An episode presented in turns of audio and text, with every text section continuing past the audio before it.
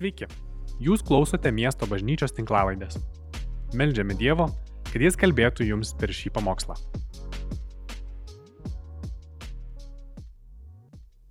Sveiki. Jėzus taikos migrantas. Jėzus yra tas, kuris iš dangaus atėjo čia į žemę. Jis atėjo tam, kad e, mus išgelbėti. Savo misiją Jėzus aprašė tokiais žodžiais. Lukas evangelistas užrašė. Jėzus sako, juk žmogaus sunus atėjo ieškoti ir gelbėti, kas buvo pražuvę. Kalėdos jo ateimo metas yra žmogaus sunaus ateimas. Jėzus vadina save žmogumi, bet jis yra ir Dievas. Jis lygiai taip pat save vadino Dievu ir įsikūnijo šitoj žemėje, kad galėtų tarnauti. Jis atėjo ieškoti ir gelbėti to, kas pražuvę. Na, tokie mes visi esam. Ir kažkada prieš 30 metų Kristus atėjo į mano gyvenimą. Ir aš taip jaučiausi, kad aš esu pasiklydęs, pasimetęs. Ir jis mane surado, jis man davė namus.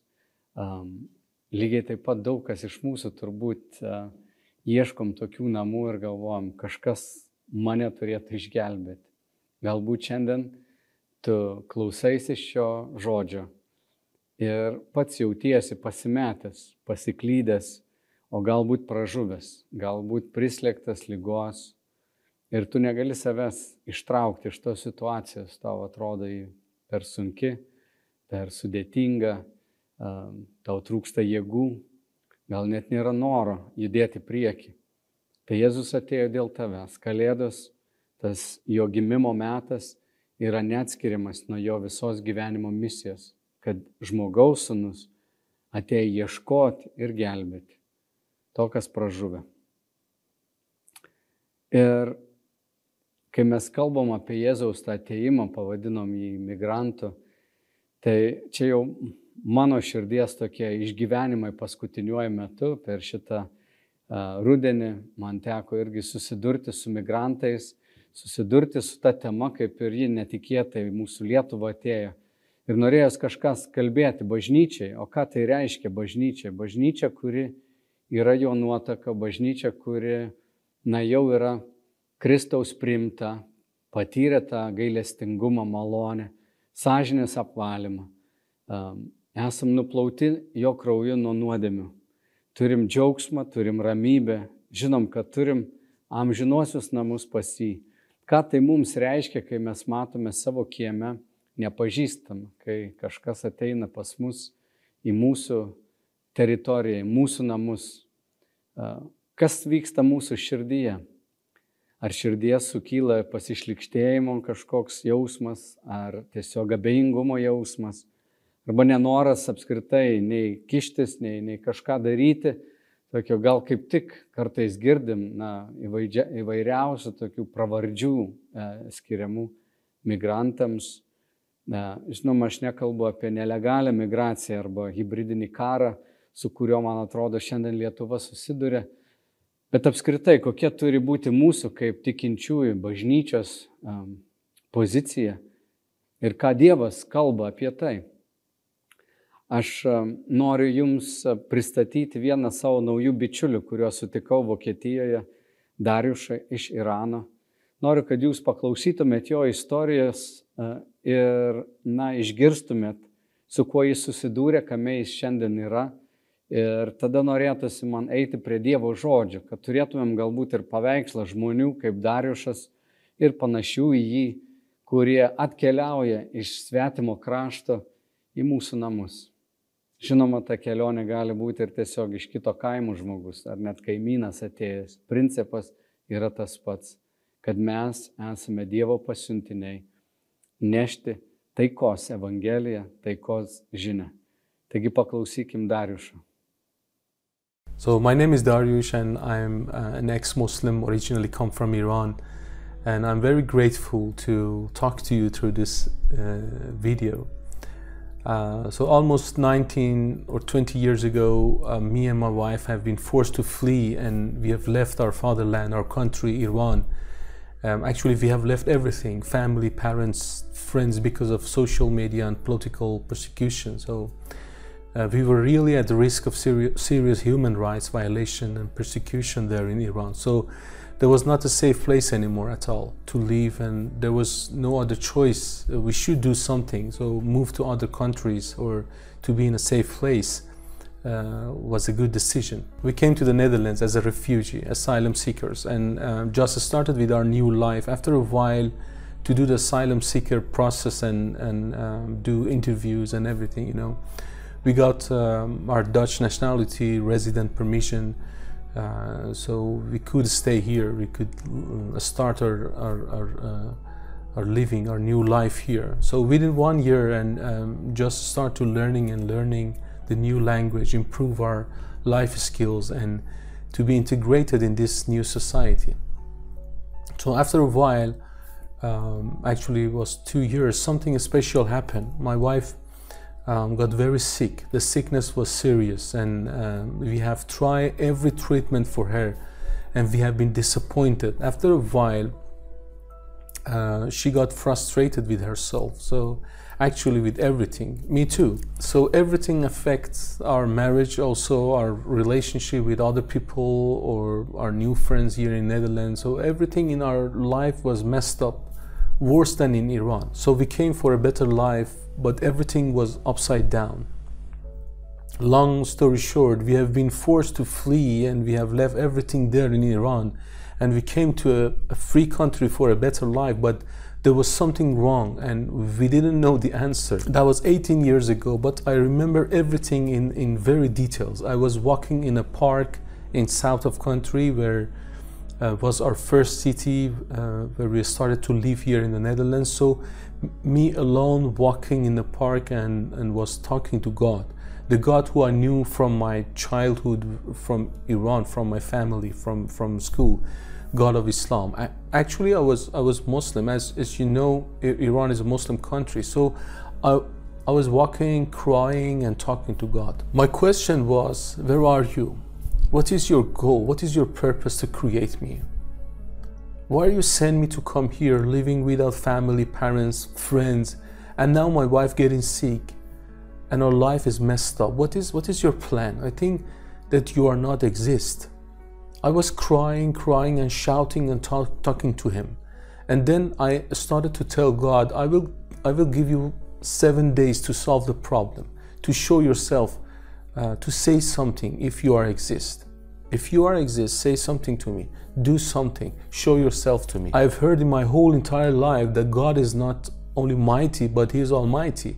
I didn't even have a chance to, to hear something about Jesus in my life. Maybe some short story in Quran or um, at school that there was a prophet and his name was Jesus and he was a good man and a good teacher and he did uh, many miracles. So, long story short, after a couple of couple of days, me and my wife went to another city which was nearby Den Haag, near nearby the famous, well-known international court. So we went to my wife's aunt. She was living around 30 years in the Netherlands and she had also an Iranian restaurant in that city. But she was trying to explain us about the church where was it there was a conference there and she was asking us to go there because uh, she heard from one of her, her friend that in, in that church people pray for each other and maybe if you go there all your problem and sickness will be solved so we started laughing at her because we didn't we didn't believe in religion because of all persecution that we had experienced before in Iran. But she was older than us and, and, and a nice aunt, so we decided to respect her and go with her to, to the church. First time in our life, we went to a church, but it looks like much different than picture in my mind about the church. Full with people and music band was playing music and people shouting, sing, singing, and some of them dancing, and I was shocked. My goodness, is here really a church? Where are the candles? You know, I had another picture from, from maybe from Hollywood movies or books in my mind. There was something in me forced me to flee and go away from the church. So I could not stay there with people on that atmosphere and worship. I couldn't stay in beautiful presence of God. So within 10 or 15 minutes, um, uh, I was looking for an excuse to go outside, and I, I said to my wife, "Please stay here and be healed." I was laughing, and and say to to her, uh, "Please stay here. I will take um, uh, on to her restaurant." So it's too late for her work. So when we arrived to that Iranian restaurant, we saw only two men uh, sat on the table right behind the the corridor, and. Um, aunt was looking at me and asking asked me to do something. She was telling me, Darish, it's, it's too early and our waitress didn't come um, to work yet. Would you please ask those two men uh, what they want to drink or give them the menu? I said, okay, I will do it. And um, I went to the to the table and, and started talking in, in, in Dutch. Goeiedag en alles goed met jullie. And uh, and one of them said, Excuse me, we don't speak Dutch. Do you speak English? We just arrived yesterday. Oh, okay, welcome. What, what do you want to drink? Uh, the second guy uh, started asking me, what, what, what is your name? I said, Dariush. Wow, a real Persian name. Uh, and he, he continued, uh, please sit here with us if you don't mind. We love to talk more with you. And we talked about two minutes, and um, Noor that that guy from Israel looked into my eyes actually started and, and said, Darish, what are you looking for? I see in your eyes that you are looking for something in your life. And that was the strange question which I have heard in my entire life. Uh, I said, no, nothing. But within a couple of seconds, I realized a, a clock on the wall behind Noor, um, behind his head on the wall. And um, I was hearing the, the ticking of seconds uh, movement of the clock. I heard everything, slow motion. Everything was a slow motion in my mind, in my eyes, in my ear. And I remember my conversation with God seven days ago. And I remember that today is the seventh, seventh day, and everything came to my mind. It happened in, in just five, five seconds. I said to him, Look, Noor, you're right. I'm looking for something, but you do not have the answer because you don't know me. If you know the answer, I believe in your answer.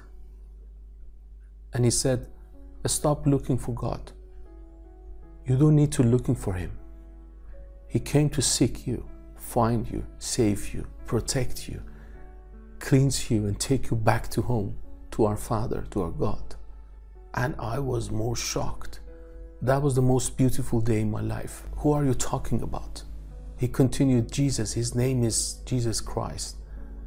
And on that moment, I've heard the first and amazing verse from the Holy Bible. Jesus said, I am the way, the truth, and the life. And no one comes to the Father except through me. Oh my goodness. Jesus was talking to me. God was there in that restaurant, was washing my feet, serving me, was saving me cleansing me from my sin and forgive me. God was there. And I could not stop my tears and I started crying and crying. He heard my prayers in the park and I, uh, he, he, saw my suffering and pain. And, um, and the last day, seven day, last hours, he has sent a person from other country to come to me and bring the gospel, the good news to me. I could not stay in his presence in that church 30 minutes ago, but Jesus himself stayed with me. He came to the restaurant to save me. He himself, Jesus, came to show me that God exists and did not forget me, did not leave me alone. I remember that was um, uh, 6.30 p.m., around 6.30 p.m. So we just started to, to pray and Noor was asking me, Darish, do you want to open your heart and accept Jesus. Said, Yes, He is Lord, He is God. And He come to find me. And accept, accept uh, Jesus in my life. So we pray together, and I gave my heart to Jesus. I and uh, uh, this is this is also wonderful to know. My wife gave her heart to the Lord at the same time, 6 p.m. in that in that church. So He saved us in one city, uh, same day, same time, but in two different places. I left the church actually. I escaped escaped from there, from his, his presence, from his worship and service and his people. But he, he came to the restaurant to encounter me, to find me. What a wonderful God. He is worthy. He is worthy of all our praises and worship. So that was my uh, my story, my encounter with Jesus, and my wife um, story. And the, the, the, important thing and the amazing thing is uh, uh, my wife got got healed, and now it's about uh, 17, 18 years that uh, there is no sickness anymore. Uh, so we after that we have just started to go to the Dutch church and uh, 15 years ago we have started our, our, Iranian church in Farsi and Dutch with our other pastors and friends together. Uh, uh so now it's about almost 15 years that we have we are serving our Iranian church. After a while, God has given us the vision of Safe House, and we have established with my wife and two of our best brothers and pastors uh, this foundation uh, ministry of uh, Safe House. So we have started with our activities through our ministry to Farsi speaking communities all over the world, in many European countries, Turkey, and under underground churches in Iran since 2010. God bless you, my brothers and sisters. God loves you so much. Tikrai ačiū Dariušui, kad jis įrašė savo istoriją. Mane labai įkvėpė ir palėtė ir kartais norisi va tokius vaizdus matyti, kai, kai matau žmonės plaukiančius valtelę per, per jūrą su savo vaikais, kaip jie keliauja. Na, Vokietijoje būdama šį rudenį sutikau per šimtą panašių labai žmonių ir su panašiom labai istorijom kaip Dariušo. Ir, na, migracija, žinoma, nėra joks naujas reiškinys. Aš praeitą savaitę kalbėjau, kada Domas buvo išvarytas iš Edeno sodo Abraomas buvo pakviestas išeiti iš savo namų su pažadu, kad jis įeis į pažado žemę. Galiausiai pats Abraomas, jisai žinojo, kad jo galutinė stotelė, jo tikrieji namai bus jau Dievo buvime, Dievo artume po mirties. Ir iš šitą žemę jis taip žiūrėjo gan, na, neprisiriždamas prie jos, statydamas kažką gražaus, bet neįleisdamas visiškai šaknų iš tą žemę. O įstatymė Senajame testamente mes randam nemažai nuorodų, kurios kalba apie ateivius, svetimšalius, galim kartais juos pavadinti ir naujakuriais. Pavyzdžiui, įstatymo na, knygoje mes randame tokius žodžius ir įstatymas, žinot, yra geras. Paulius apaštalas sakė, įstatymas yra šventas, įsakymas taip pat šventas ir teisingas ir geras. Tai kai žiūrime į Senąjį testamentą ir sakiau, mes žvelgiame į Kristaus kaip mesijo pažadą, jo ateimą ir visas tas laikotarpis iki jo pirmojo ateimo, iki kalėdų, kurias mes švenčiam laukdami jo antrojo sugrįžimo, tai Dievas davė įstatymą, kuris yra geras, šventas ir jis parodo, kas patinka Dievui. Ir mūsų širdis neturėtų ginčyti su įstatymu ir sakyti, man atrodo, kad mūsų laikais čia truputį ne taip ir nebandyti jo išvartaliot, nors bandom suprasti, kad įstatymas buvo parašytas ne mums, bet ir dėl mūsų. Jis buvo adresuotas žydų tautai, bet principai atspindi paties Dievo nuostatas. Taigi mes randame tokius įsakymus ginti migrantų teises. Įstatymo knygoje 24 skyriuje 14 eilutė sako, neišnaudok samdinio, kuris yra vargdienis ir beturtis, iš tavo brolių ar ateivių, kuris gyvena tavo apylinkėje. Dievas gina teises, sako, samdinys, kuris tau tarnauja, turėtų uh, nusipelnyti na, gero elgesio, bet samdinys ir ateivis sudėdami tą pačią kategoriją jiems taip pat turėtų būti suteikiamas polsis, kai visi ilsėsi, sako, ir tavo darbininkai turėtų ilsėtis. Išeimo 2010 sako, septintoji diena yra sabatas viešpačiui, tavo Dievui. Joje nevalia dirbti jokio darbo nei tau, nei tavo sūnui ar dukteriai, nei tavo tarnui ar tarnaitai, nei tavo gyvuliui, nei ateiviui, kuris yra tavo namuose. Taigi ateiviams, e, svetimšaliams irgi yra tos pačios sąlygos suteikiamos, kad jie galėtų ilsėti šabo dieną. Taip pat netidėti jiems užmokesčio. Įstatymo 24.15 sako, užmokėk jam atlyginimą tą pačią dieną, dar saulė nenusileidus, nes jis neturtingas ir iš to gyvena, kad jis nesišauktų viešpaties dėl tavęs ir tau nebūtų nuodėmės. Taigi vėlgi jam suteikiamos tokios teisės. Ir kodėl tai reiktų daryti? Kunigų knygoje randam tokius žodžius. Dievas kreipiasi savo tautą sakydamas, neišnaudokite jūsų krašte gyvenančių ateivių. Te gyvena jie tarp jūsų kaip vietiniai. Mylėkite juos kaip patys save, nes ir jūs buvote ateiviai Egipto žemėje. Aš esu viešpats, jūsų Dievas. Taigi pažiūrėkim, Dievo žodis skamba jo tautai ir jis sako, kad jūs turėtumėte žvelgti į ateivį lygiai taip pat, kaip jūs žvelgiate į save, mylėti jį, kaip jūs mylite save.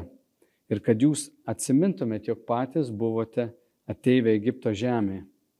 Labai dažnai dar e, migrantai, ateiviai, jie sulyginami kartu su našlaičiais ir našlėmis.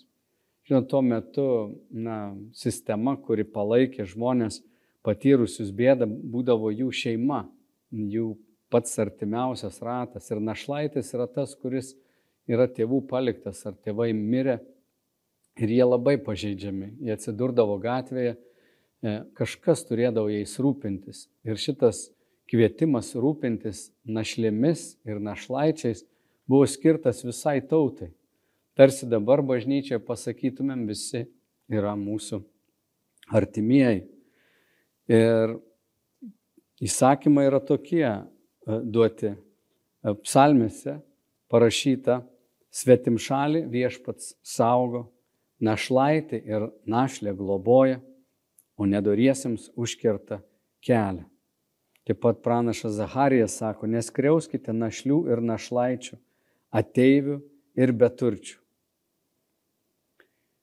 Taigi paliepimas mylėti tuos, kurie yra pažeidžiami, kurie atsiduria mūsų visuomenės paraštėse, atrodo, kad Dievas juos ypatingai myli.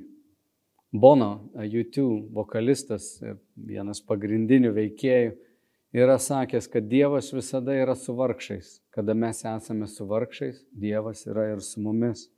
Dievas myli juos ir jis žino, kad, na, kokia dalia yra. Jisai yra tas kenčiantis gelbėtojas, kuris būna šalia žmonių kurie išgyvena tą skausmą. Kristus yra tas, kuris ateina į žmogaus skausmą ir tapatinasi su juo. Jis nepasikelia aukščiau, jis nereikalauja, kad žmogus susitvarkytų. Ne, Jėzus atvirkščiai sako, aš atėjau pas ligonius. Sveikiesiems nereikia gydytojo, aš atėjau pas ligonius.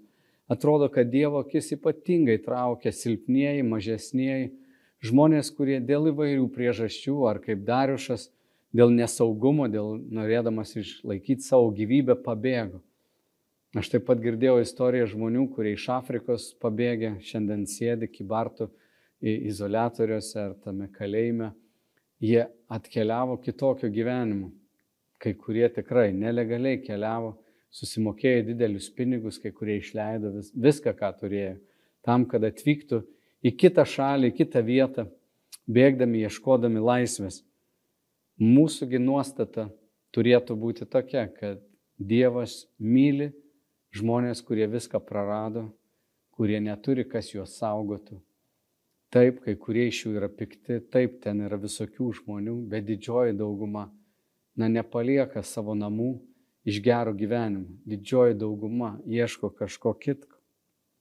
Taigi įstatymė vėlgi tie paliepimai duoti su tokiu priminimu, kad Dievo tauta galėtų su jais tapatintis. Ir įstatymo knygoje dešimtame skyriuje mes skaitom, jūs irgi mylėkite ateivius, nes patys buvote ateiviai Egipto žemėje. Tai skamba vėl ir vėl. Išeimo knygoje 23 skyrius.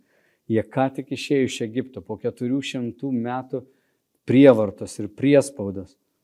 Dievas sako, neskriausk ateivių. Jūs žinote, kaip jaučiasi ateivis, nes buvote ateiviai Egipto šalyje. Taigi šitie žodžiai skamba tai kartai, kur išėjo, bet lygiai taip pat yra perdodama visom kitom kartom. Ir aš kartais pagalvoju, ar gali mūsų vaikai, mano vaikai, kurie negyveno Tarybų sąjungoje, suprasti tai, kas buvo Tarybų sąjungoje. Kartais, man atrodo, jie per toli nuėjo.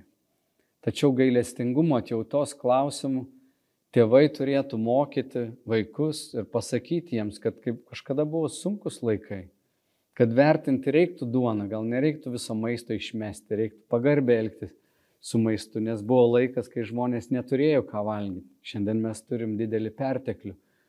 Ir čia Dievo žodėje skamba tokie paliepimai. Mylėk ateivi, priimk jį, mylėk jį kaip save patį, parodyk jam dėmesį. Ir jūs, sako, žinote, kaip jaučiasi ateivis, nes buvote ateiviai Egipto šalyje. Žydų tauta pragyveno, na, pažymėti kitokie, smerkiami um, egiptiečių. Tai vadinasi, tas principas, jisai gali suveikti taip ir mums. Aš manau, kad atjautos mes galim mokytis girdėdami istorijas. Kartais galbūt uh, norėtųsi liktai, na, juos atmesti, negalvoti apie juos ir kol jie neteina iki mano namų durų, kažkaip lengva galbūt apie pažeistų žmonės kalbėti taip iš tol. Vienas toks atvejis aprašytas Luko Evangelijoje. Čia sakoma, štai atsistojo vienas įstatymų mokytojas ir mėgindamas jį paklausė, mokytojau, ką turiu daryti, kad paveldėčiau amžiną į gyvenimą. Jis tarė, o kas parašyta įstatymė, kaip skaitai. Tas atsakė, mylėk viešpati savo Dievą visą savo širdimi, visą savo sielą, visomis savo jėgomis ir visų savo protu ir savo artimą kaip save patį. Jėzus jam tarė, gerai atsakei, tai daryk ir gyvensi. Čia galėjo ir baigtis istorija, bet Lukas užrašo toliau, norėdamas pateisinti save, Anas paklausė Jėzų, o kasgi yra mano artimas? Tada Jėzus leidžiasi istorijos pasakojimą ir jisai pasakoja, kaip vienas žmogus keliavo ir jį primušė. Ėjo pro šalį kunigas, neturėjo laiko jam padėti. Ėjo levitas, garbintojas, irgi buvo per daug užimtas. Ir ėjo samarietis, na, žmogus, kurį žydai dažnai niekindavo. Jie buvo kraujomaišoj su kitom pagonių tautom ir žydai laikė juos nebe tokius švarius. Tas pasigailėjo. Ir tada Jėzus sako, kaip tau atrodo, kuris buvo artimas? Na, tas, kuris padėjo. Atsakymas yra toks, kad mūsų artimi yra tie žmonės, kurie atsiduria arti mūsų, kurie prieina prie mūsų, yra mūsų kieme. Ir principas yra gan įdomus, kad kol tu žmogų vertini taip iš tolo ir sakai, na, aš jo nepažįstu ten, um, jie tokie yra nokie, tu gali išlaikyti tą atstumą ir ten tikrai neatsiras jokios meilės. Tačiau Meilė veikia tokiu būdu, kai tu skiri laiko ir dėmesio kažkam, tu pradedi pamilti tą asmenį, netgi daiktą gali vertinti vis labiau, kuo daugiau laiko su juo praleidi. Žiūrėk, koks kačiukas priklydo prie tavęs, tu pamaitinai, uh, įpyliai pieno, davai kažką pavalgyti. Aš ne vieną pažįstu mūsų bendruomeniai, kurie pamaitino vieną kartą, kitą kartą ir viskas. Širdis susirišo. Ir tu nebegali jo paleisti. Parsivedi tą katiną, paskui gal gailiesi, nes jis sukelia visokių problemų, ar ten šuniukas koks. Bet ne vienas iš jūsų tai padarėt, man tai labai gražu, kad tu paėmi kažkokį benamį gyvūnėlį ir suteik jam namus. Ir jeigu mes taip gyvūnėliais rūpinamės, lygiai taip pat turėtų mūsų širdis būti atvirus visiems kitiem, kurie šiandien stokoja namų, kurie stokoja e, atjautos. Ir mano pastebėjimas, kad žmonėms šiandien labiau nei ten pinigų, nei sumuštinio, reikia tiesiog, kad jie būtų išklausyti, kad jie būtų išgirsti. Toks yra mūsų pašaukimas. Kodėl mes esam raginami tai daryti? Todėl, kad patys patyrėme tą Dievo gailestingumą. Štai Kalėdos mes esam Kristaus aplankyti. Jis atėjo pas mus. Jis mus rado ir pažadėjo mums amžinai gyvenimą. Kad kiekvienas, kuris jį tiki, kad kiekvienas, kuris įsileis į savo gyvenimą, turės amžinai gyvenimą. Ta viltimi mes esame gyvi šiandien. Mes džiaugiamės tuo, ką turim čia švenčiam, dėkojam Dievui už visas geras dovanas, bet mūsų namai yra tėvynė danguje. Ir dėl to, kad mes tai patyrėm, prisimindami, kokie mes buvom, prisimindami, ką reiškia gyventi visiškai vienišam, ką reiškia gyventi su sąžinės kaltinimais, ką reiškia gyventi be vilties, galim nešti tą viltį. Ir jeigu šiandien turim namus, tu turi kur pavalgyti, kur gyventi. Yra žmonių, kurie neturi, kur prisiglausti. Mums paliepimas duotas toks, kad mes nepamirštume svetingumo, nes kartais net angelus galim priimti, nesupratę, kad tai padarėm. Taigi, daryti gerą yra gera. Kada mes darom gerą, mūsų organizmas sureaguoja. Netgi yra toks hormonas oksitoksinas, kuris, na, užmesga ryšį. Mama, kai susilaukia kūdikio, jį maitindama, jos visas organizmas užsikrauna oksitoksiną, tai vadinamas ryšio hormonas. Tai žinai, kartais padarai kažkokį mažą, nedidelį darbelį ir kažkas už tavį pasikeičia, tu tampi kitoks. Kai tu rodai meilę, tai keičia tave. Kai tu ištrauki savo piniginę ir kažką duodi, tai nepraktiškai paskaičiuok, kur bus tie pinigai išleisti. Suprask, kad tai pakeis tave. Tu būsi laimingas. Aš kartą tokiai moteriai e, Vilniuje, kai buvau taip savaitę leidau tarp benamių, tai vienai moteriai daviau duonos Ir, na, toks jausmas geras, jimai padėkojo, o kitą dieną aš einu ten pro Petro Povilo bažnyčią ir jinai, ei, pasišaukė mane, sako, mes turim alaus, ateik čia. Toks jausmas geras, ne dėl alaus, bet kad mane įtraukė į jų tarpą, kad yra kažkoks galbūt benamių kodeksas, kurio aš nežinau, bet tam tikras solidarumas. Bet toks jausmas, kad mano smegenis užplūdo tas oksitoksinas ir taip jaučiu, wow, aš turiu ryšį, smulkmeną, bet tai yra labai brangu. Tai padaro mane turtingesniu žmogumi, nes užsimesga kažkoks ryšys.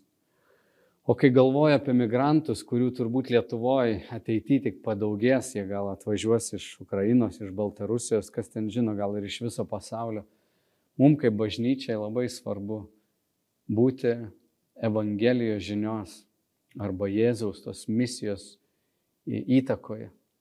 Kad mes niekada nepasididžiuotumėm, kad mes neklijuotumėm baisių etikečių žmonėms, kurių nepažįstam, bet atvirkščiai suprastumėm, kad galbūt tie migrantai, tokie kaip Dariušas, ateis iki mūsų čia ir tai bus mums galimybė daryti jo mokiniais visų tautų žmonės. Tas paliepimas, eikite į visą pasaulį ir darykite mano mokiniais visų tautų žmonės, šiandien Europoje unikaliai vyksta Vokietijoje, Švedijoje, kurios galbūt po antro pasaulinio karo taip kalties labai prispaustos yra labiausiai atviros visuomenės migrantams iš karo paveiktų šalių, ten kur neramumai. Bet šiandien bažnyčia auga ir žmonės ateina pas Kristų iš migrantų tarpo. Aš pažįstu denominacijų lyderių Švedijoje, kurie sako, šiandien mūsų bažnyčia auga, nes žmonės ateina ir jie nori išgirsti apie viešpatį Jėzų, apie gelbėtoją. Ir tai vyksta dažnai, kai mes jiems suteikiam tiesiog maisto, suteikiam galimybę susitvarkyti dokumentus, mokom juos savo kalbos, pasikviečiam juos vakarieniai, įtraukiam į savo bažnyčios gyvenimą. Vokietijoje nustebau net įstatymas toks yra, kad migrantas gali pasislėpti ir iki 18 mėnesių išbuvęs bažnyčioje gali gauti paskui statusą, bet kol jis yra bažnyčios pastate pasislėpęs, kol bažnyčia įsileidžia, nei policija, nei jokios slaptos tarnybos negali jų iš ten iš, iš, ištempti ir areštuoti. Mane tai nustebino, kad tai yra e, gal kelis šimtmečius egzistuojanti taisyklė, kad bažnyčia yra Bažnyčios pastatas yra ta priebėgos oazė žmonėms, kurie yra nuskriausti, kurie ieško kitokio gyvenimo. Aš meldžiu viešpatė Jėzau, padaryk mus pilnais tavo meilės, kad prie mūsų stalo visada būtų vietos ir svetimam žmogui, ir prispaustam žmogui. Dieve, jeigu tie žmonės pasirodys mūsų akiratyje, aš meldžiu, kad tu duotum mums visiems gailestingumo, atjautos atsiminti, kad ir mes kažkada buvom be tavęs, vieniši be vilties šiame pasaulyje, kad tu Jėzau mumyse sukurtum tą atjautą ir gailestingumą, kurį pats mums parodai. Tėve, te būna tavo bažnyčia, taikos vieta, kad kaip tu Jėzau tapai tuo taikos, taiką nešančių migrantų, kad ir mes viešpatė priimtumėm visus mažutėlius, kuriuos atves į mūsų gyvenimą. To meldžiu per Kristų. Mūsų viešpatį, tėve, atsakyk į šią maldą ir visi, kas pritarėt, pasakykit Amen. Ačiū, kad klausėte. Daugiau informacijos rasite mūsų svetainėje miestobažnyčia.lt arba Facebook, Instagram ir YouTube paskiruose.